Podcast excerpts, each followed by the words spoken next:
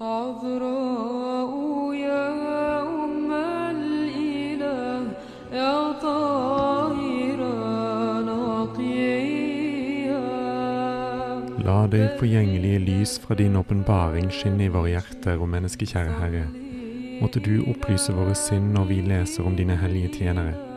Lær oss ved deres eksempel å leve i lyset, slik at også vi kan leve for deg, vår Herre og velgjøre, for du er god og elsker menneskene.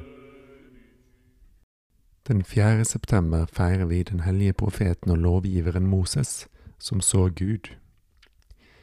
Moses var av Levis stamme og født i Egypt, den gang hebreerne sto i tjeneste for farao. Hebreerne vokste fort i Egypt, og farao fryktet folket. Han fryktet også deres velstand, selv om hans fedre hadde tatt imot folket i Egypt for å takke Josef. Men så utstedte han ordre om å myrde alle deres guttebarn. Da Moses sin mor ikke kunne få seg til å avlevere han til døden, fikk hun den idé å betro han til forsynets omsorg ved å legge han i en korg som hun lot flyte på Nilens vann. Barnet ble tatt opp av faraos datter, som gav han navnet Moses, og det betyr frelst fra vannene.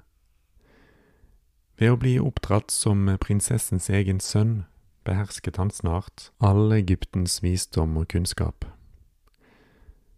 Da Moses var nådd til 24 års alder, drepte han en dag en egypter som hadde slåss med en som tilhørte det samme folket som Moses.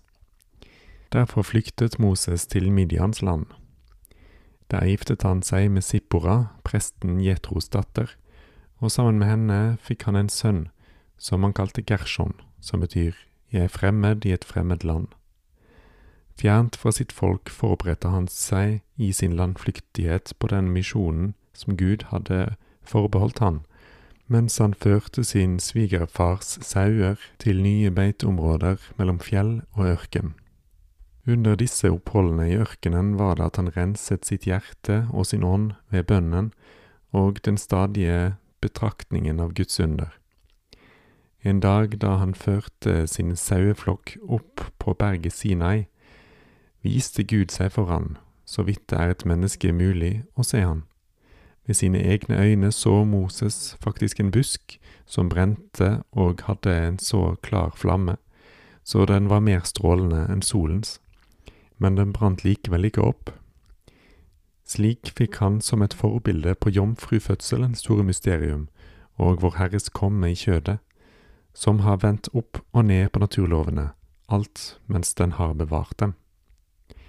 Etter at han hadde tilbrakt 24 år der i Midian, vendte Moses etter Guds befaling tilbake til Egypt for å utfri folket fra faraos tyranni. Da han hadde vanskelig for å tale og fryktet å påta seg den oppgaven alene, ga Gud ham Aron, hans bror, som hjelper til å tjene han som Guds tolk overfor folket. Men farao, hvis hjerte ved Guds tillatelse var blitt forherdet, ville ikke la jødene dra, da de tjente som slaver ved hans byggearbeider. Da slo Gud med Moses som mellommann egypterne med ti forferdelige plager. Han forvandlet alt vannet i Egypt til blod, hele faraos land ble inntatt av frosk, og så forvandlet jordens støv seg til mygg, og da farao stadig ikke lot folket få reise, ble hele landet hjemsøkt. Kveget døde av pest, de fikk byller, og både dyrene og egyptene ble plaget. Det falt en tung ild blandet hagl, som det aldri før hadde falt, og så kom det talløse gresshopper, de åt alt mens de for gjennom landet. Hele Egypt ble dekket av et tett mørke i to dager, og til sist lot han en natt alle de førstefødte i Egypt dø, fra faraos førstefødte til de førstefødte hos hans tjenere og hos kveget. Overvunnet av Guds makt lot farao til sist hebreerfolket reise, idet de brakte mange av Egyptens rikdommer med seg. På Moses sine ordre åpnet Det røde havet seg for at folket kunne gå tørrfot over, og han lukket det igjen over den egyptiske hæren og over farao, som hadde reist ut for å forfølge dem. Slik førte han sitt folk i ørkenen i 24 år for å prøve å oppdra det og forberede det til det forjettede landets goder. Tross hebreernes talløse lovbrudd og utroskap og deres uimotståelige tendens til å venne seg til avgudene, tok ikke Gud sin velvilje bort, men viste tålmodighet takket være sin tjener Moses' vedvarende bønn. I ørkenen viste Herren sin miskunnhet ved tallrike under. Han lot manna komme ned fra himmelen for å nære dem så mye som de ønsket. Han gjorde bitre vannet søtt. Han ledet dem om dagen i skikkelse av en sky, og om natten ved en lyssøyle. Han lot dem vinne seier over amalekittene og ørkenenes barbariske stammer.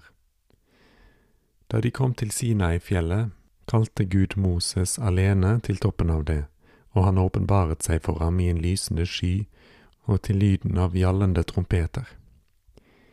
Moses talte til Gud som til en venn, og Gud svarte ham som røsten fra et tordenskrall. Under denne fryktelige åpenbaring av Hans herlighet lærte Gud sin tjener sin hellige lovs bud.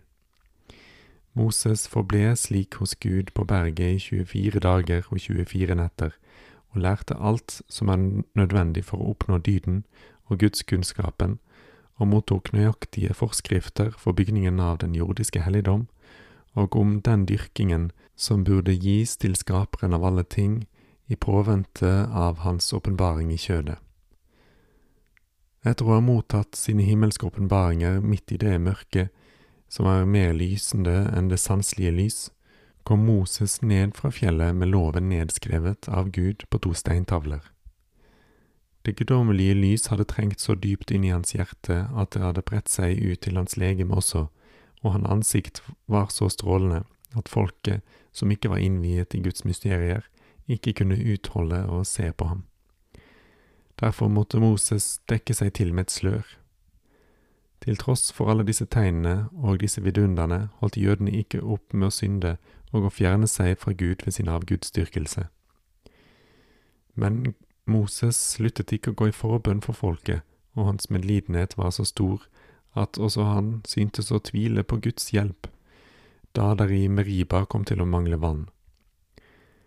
Etter Guds ordre slo han på klippen, og der kom det levende vann ut fra det, men Gud forkynte ham at de ikke skulle komme inn i det lovede landet som fløt med melk og honning, han og alle de menneskene av den generasjonen som hadde gått ut av Egypt, og som så mange ganger hadde tvilt på Guds løfter. Da Moses nådde en alder av 120 år og hebreerne forberedte seg på å trenge inn i Kanans land, fikk han av Gud beskjed om å gå opp på et fjell, og fra det fjerne skulle han få se inn i Israels land, som han hadde ført Israels barn til etter så mange vanskeligheter. Der var det at han døde og ble begravet, uten at noen noensinne kom durch ein kjenne Merk, die begravelsessted.